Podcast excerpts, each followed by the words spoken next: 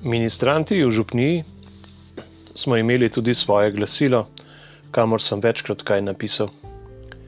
Glasilo je urejal Nančan Klaudijo Petrca. Nekoč sem nekaj pametno ugotavljal in se podpisal kot Feniks, pa me je Klaudijo spravil red z duhovitim ne seri klav, če si buciki jedel.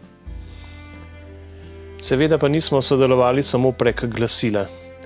Z ministranti iz drugih delov župnije smo se ponavadi srečevali pri velikonočnem tridnevju, kjer sem najraje rokoval s kadilnico, pa seveda na priljubljenih letovanjih. Spočetka smo hodili na slovensko obalo v pridvor, danes je to Sveti Anton, odkudar smo se potem vozili na morje v Ankaran. Naslednja leta pa smo se odpravljali res zelo daleč, na Korčulo. Moj sovaščan Matiči Remškar je imel v vasi Grščica blizu Blata vikend, umaknjen kakšnih deset minut hoda od obale. Tam smo preživljali čudovite počitnice, res daleč od doma.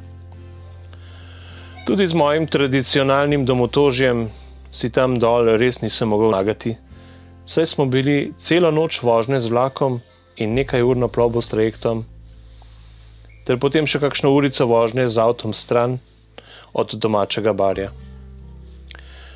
Vikend je bil prislonjen ob bog ve kdaj narejene terase, zaraščene z robidovjem in drugim sredozemskim, drugim sredozemskim rastjem. Ob poti do obale so rasli tudi rožičovci. Takrat sem jih videl prvič v življenju. Rožičeva moka je bila v domači kuhinji hvaležen priboljšek, ko ni bilo kakšnega bombona ali česa drugega sladkega, pa še sladkorja ji ni bilo treba dodajati kot kokosovi moki. Mimo grede, spravil sem se tudi na makarone, če ni bilo drugega. Sladkor na žlico mi sicer ni šel, sladkornih kock pa se nisem branil, če so slučajno kdaj zatavale v našo kuhinjo. Tudi na korčoli med rozžičovci so prišli prav sladki priboljški. Slano morje in vroče mediteransko sonce sta nas res kar izčrpala.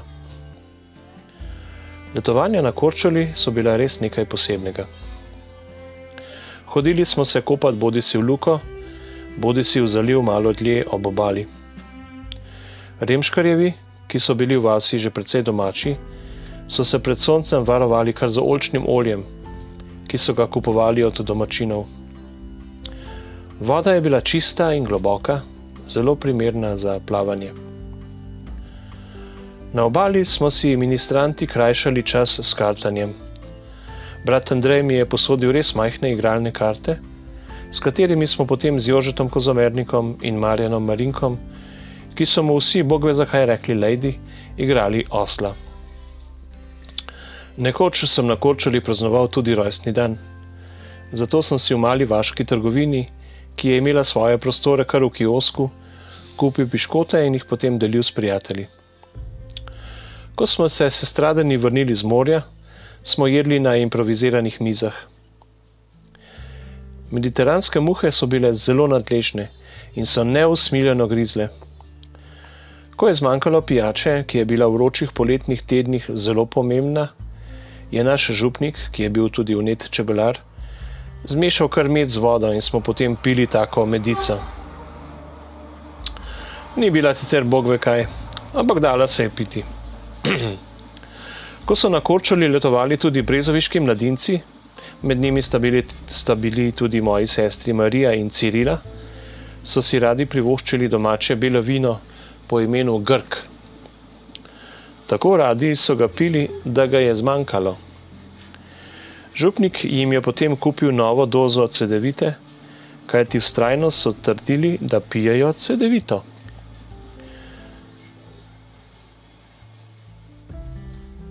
Očitno je nekaj na tem, da so Grki nagnjeni k prevaram, pa čeprav vinske sorte. Ne vem sicer, ali se je ta goljofija razkrila, verjetno pa se je sladko belo vino našlo kje druge. Med letovanjem na Korčuli smo si privoščili tudi kakšen izlet. Enkrat smo odšli v bližnjo Prižbo, kjer je bil samostan ne vem več katerega ženskega reda. Menda je bila med sestrami tudi svakenja politika Staneta Dolanca, kar se nam je zdela svoje vrstna zanimivost. Vse naši cenjeni politiki niso hoteli imeti kaj prida s cerkvijo. Stane Dolanc ni bil prav podljiv v mojem zanimanju za politiko. Saj niti ne vem, kakšno funkcijo je vršil v našem milem socialističnem sistemu. Bolj sem vedel za našega lokalnega Franceta Popita, Franceta Šetinca in seveda enega in edinega Edvarda Kardelja. Skratka, v prižbi se me je bolj dotaknilo dejstvo, da so nam sestre postregle z obilno malico in da smo z balkona lahko opazovali delfine, kot pa navezava na socialističnega politika. Jaz sicer nisem videl nobenega delfina, vendar so me da tam poskakovali iz vode. V južni Jadran bojda prav radi priplavajo. Tam so vode včasih še za 1. november primerne za kopanje.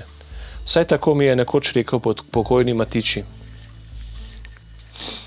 Daljna korčula, tako želena, da sem si tja želel tudi neko poletje, ko se me je lotila zavratna gnojna angina, pa me mati niso pustili in sem bil kar malo jezen na njo. Je bila res daleč. Zvečer smo se v Ljubljani usedli na nočni vlak proti Splitu, kamor smo pridrevili šele proti jutru. Bil sem droban fantič, tako da sem lahko noč sladko prespal na prtljažnem prostoru v kupeju brez vsake bojazni, da bi se morda polomil in padel na tla. V Splitu smo se potem kopali nekje na mestni plaži, čeprav je od pristanišča nemarno zaudarjalo, in si na lokalni tržnici tudi kupili kakšno sadje. Zvečer je potem odplul trajekt proti Lastovu, ki se je ustavil tudi na Korčuli in sicer v Veli Luki, odkudar je bil doma veliki pevec Oliver Dragojevič. Ta je bil kar dober prijatelj z našim brezoviškim kopačevim Gustelnom in se je rad ustavil v gostilni pri kopaču, kadar je gostoval v Ljubljani. Tako je bil domač, da je bil za nekatere kar tisti pevec iz Dalmacije. No, jaz sem takrat seveda že slišal za milo glasečega se barda z južnih mori, vendar se na kratkem postanku nisem upal popraševati po njem. Ekspedicije na Korčulo so bile res nekaj posebnega. Naš župnik Dular, ki se je na jug odpravil s svojim hroščem in prikolico, z umetelno spretnostjo ju je spravil na oprtni vagon v kompoziciji, tako da so mu bojda čestitali tudi železniški delavci. Je iz Vele Luke potem odpeljal prtljago in ministrante kar s prikolico.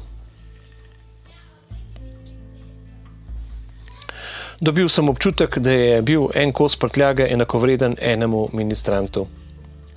Dva drobna vnanška ministranta, bratranca Tonija Marinka in Boštjana Modica, pa je spravil kar pod sprednji pokrov prtljažnika in sta se potem javljala med potjo, ko smo že zavili v hrastove gaje nad Grščica. Ko je torej minil tisti teden ali deset dni in smo bili po malem že vsi naveličani, smo se odpravili nazaj. Sestra Irena v tistih poslednjih dneh ni bila ravno navdušena in je verjetno izustila tudi kakšno mat kurjo, ko je morala skupsti pravkar zaklane kokoši. Mladina pa je odšla na plažo. Je bila pač zagorjanka, kjer so takšna pridušanja povsem običajna. Ona je bila ena najbolj priljubljenih ušulink v mali koloniji Rimske unije, tako se namreč imenujejo te redovnice v Brezoviškem župnišču. Poleg sestre Irene so tam bivale tudi sestra Božena, ki me je učila veruk v prvem razredu, pa sestra Darjana, ki se je obadala z nami v tretjem, pa seveda sestra Gracija Premrl, ki je bila res bolj graciozna, prav v skladu s svojim imenom. Nikakor ne smem pozabiti sestre Fabjane, kuharice, pa seveda Kriste Povirk, ki je na Brezovico prišla pozneje. Najbolj sem bil na bojni nogi sestra Darjano. Nekoč me je namreč opazila, kako se po naši lepi barjanski cesti vozim s kolesom brez rok. To je bilo za nas, ljubiteljske kolesarje, najbolj frajersko dejanje. Ona pa ga je označila za greh in me tako izpostavila pred vsemi veručnimi sošolci in sošolkami. No, sestra Irena Janeš je tisto nesrečno hčer kurjo uskubila. Verjetno smo jo s tekom pojedli, utrujeni od toplega morja in sonca. Jaz tudi od brezkrbnega plavanja. Saj me je prav v luki v grščici minil strah pred morskimi globinami. Prišel je čas, da se vrnemo, pa tudi za vas, dragi bralci, da se vrnemo v zgodaj in nezgode mojega šestega razreda. Šesti razred se je tisto pomlad prevesil v drugo polovico, nekaterim sošolcem pa se je uk malo zgostil. To se je žal zgodilo tudi mojemu dragemu sošolcu Tomažu Remškarju. Mama Dani me je prosila, da mu malo pomagam pri učenju, pa očitno nisem bil zadosti uspešen pri tej pomoči. Verjetno so me zmotile tudi različne zanimivosti, ki jih je imel Tomaš v svoji sobi. Tako kot večina mojih sošolcev je imel več igrač kot jaz, in za me so bili različni avtomobilčki ali kakšne drugačne, bolj dovršene igrače, o mama, ki se ji nisem znal upreti. Ob koncu šestega razreda smo se z razrednikom Kaličem s kolesi podali na jezero pod Krimom. Vem, da sem razrednika takrat zaskrbljeno vprašal, ali bo Tomažu uspelo. Žal mi je učitelj Ivan žalostno odkimal in ni mi bilo vseeno. Na jezeru smo si privoščili pečenega kostanja, za katerega je poskrbela sošolka Sonja Črnič. Ko smo se šli igro, kjer vsak dobi nalogo, da oponaša eno žival, in smo bili na skrivnem vsi ribe, le eden od nas pa petelin, ki naj bi na veliko navdušenje vsega ribjega poslušalstva na vas glas za kikirikov, je naš novi sošolec Gorast Vahan nasmejal razrednika. Saj ni bil tiho kot vsa ribja publika, ampak se je oglašal blu, blu, kakor pravijo ribe v stripih. Kalič se je široko smejal, z njim pa tudi mi. Šesti razred se je poslovil, od nas pa se je poslovil tudi Ivan Kalič, ki je odšel matematično učenost učiti nazaj v prečudni kraj. Svojo četico je čez poletna meseca podal rojaku Vladu Pahorju, stasitemu telovacu z vrhnike. Tisti juli ni sledilo samo dejstvo, da se je končalo še eno šolsko leto in da nas je spet čakalo toplo poletje, ampak tudi svetovno nogometno prvenstvo, ki je leta 1982 potekalo v Španiji. Neko nedeljsko popovdne, točneje 20. junija 1982, sem s Primožem in Tomažem gledal nogometno tekmo Anglija, Češko-Slovaška ki jo je na koncu dobila Anglija. Škandrovima bratoma smo si tekmo ogledali udobno zleknjeni na kavč. Ne vem, kateri zlodej nas je zapeljal, da smo si ogledali tudi film, ki je sledil: Dracula. Šlo je za eno od filmskih upodobitev krvoločnega vampirja iz Transilvanije. Ravno dovolj grozno, da smo se s Tomažem in Primožem skrivali za odejo, pa seveda videli vse. S težavo sem se potem s kolesom pobral domov, ker za čuda ni bilo naše mami. To je bil eden redkih dni, dni, ko je bila moja mati z doma. V glavnem je bila vedno doma. Le otroke je vodila k zdravniku na vrhniko in na taka podobna kratka potovanja. Transilvanija in vampiri so se preselili za plastično zaveso pod stopnicami, Jaz pa sem prestrašen kot le kaj, le stežka šel v posteljo. Za spremembo me je spat spravil moj ati. Pod modro prešito odejo sem naposled le zaspal. Mogoče mi je povedal pravljico o Tončku, edino, ki jo je znal. Tonček se je v pravljici odpravil po svetu in nadomeščal kip svetega Antona, dokler ga niso začeli obletavati sršeni. Takrat jo je odsvrl z glavnega oltarja ravno med Mašo. Na veliko presenečenje vseh vernikov. Tako nekako je šlo v tej pravljici. Za očeta je morala imeti poseben pomen, saj z imenom Tonček v njegovem rodu ni bilo sreče. Detka mu je ubilo drevo v gozdu, očeta so ubili partizani, eden od bratov s tem imenom je umrl kot dojenček. Starejšega brata Tončka pa je doletela kalvarija slovenskih domobrancev v Kočevskem rogu. Ostala je samo pravljica o Tončku ki jo je Cirile pripovedoval Mihcu in drugim svojim otrokom. Ne vem, ali se je oče zavedal te povezave, je pa zato povedna meni.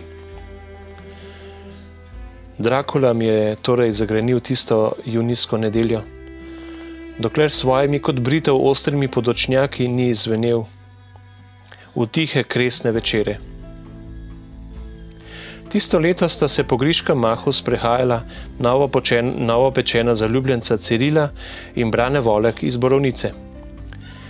Srečala sta se v ložanskem disku Buga Ruga, ki je bil urejen v kleti gasilskega doma. V to klet, kjer se je vrtela na vse glasna disko glasba, me takrat še ni mikalo. Ne dam pa roke v ogen, da ni katera od mojih sošolk pokukala v vikinško podzemlje.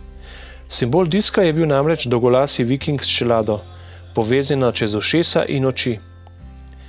Sestro Cirilo je očaral modroki borovničan v črni usnjeni jakni, mene pa je bolj prevzel njegov rdeči fičko, ki je bil vedno zgledno očiščen in posesan. Svak Brane je bil že odnegdaj zelo redoljuben, kar mu štejem kot veliko vrlino. Mislim, da je rdeči zastavin junak odšel v avto nebesa na nekem ovinku v Nanjih goricah. Braneto v njem k sreči v tisti nesreči ni bilo hudega. Če se vrnemo malo nazaj, na začetku leta 1982, ki nas zdaj zaposluje že kar nekaj časa, se je bratu Matjažu pripetila nezgoda, ki ga je za kar za mesec dni spravila v bolniški stalež. Neke sončne zimske nedelje je pri drsanju na Rakiškem jezeru svojo bodočo ženo Valerijo dobesedno nadrsal. Zlomil si je prst in iskra delta, kjer si je mladi elektrotehnik nabiral prve strokovne izkušnje, je morala zdržati mesec dni brez njega. Do poletja tistega leta pa je jezero na planoti seveda že izgubilo ledeno ploskov in je bilo več kot primerno za osvežitev v vročih mesecih. Oče, ki je bil že kar nekaj časa ponosni lastnik Fiat 1100R italijanske proizvodnje, je svoje otroke prav rad zapeljal na Rakiško planoto, da smo se malo osvežili. Ne vem, ali je bilo tistega leta ali kaj prej, ko je sestra Karlina zdrknila z rdeče napihljive blazine in se začela v plitvi vodi utapljati. Oče je skočil na pomoč in se smešno zadrsal po blatni brežini tako da je bilo vse skupaj videti kar komično. Mislim, da sem jih takrat skupil nekaj za ta sladke, ker sem sestro menda z blazine zavrnil jaz.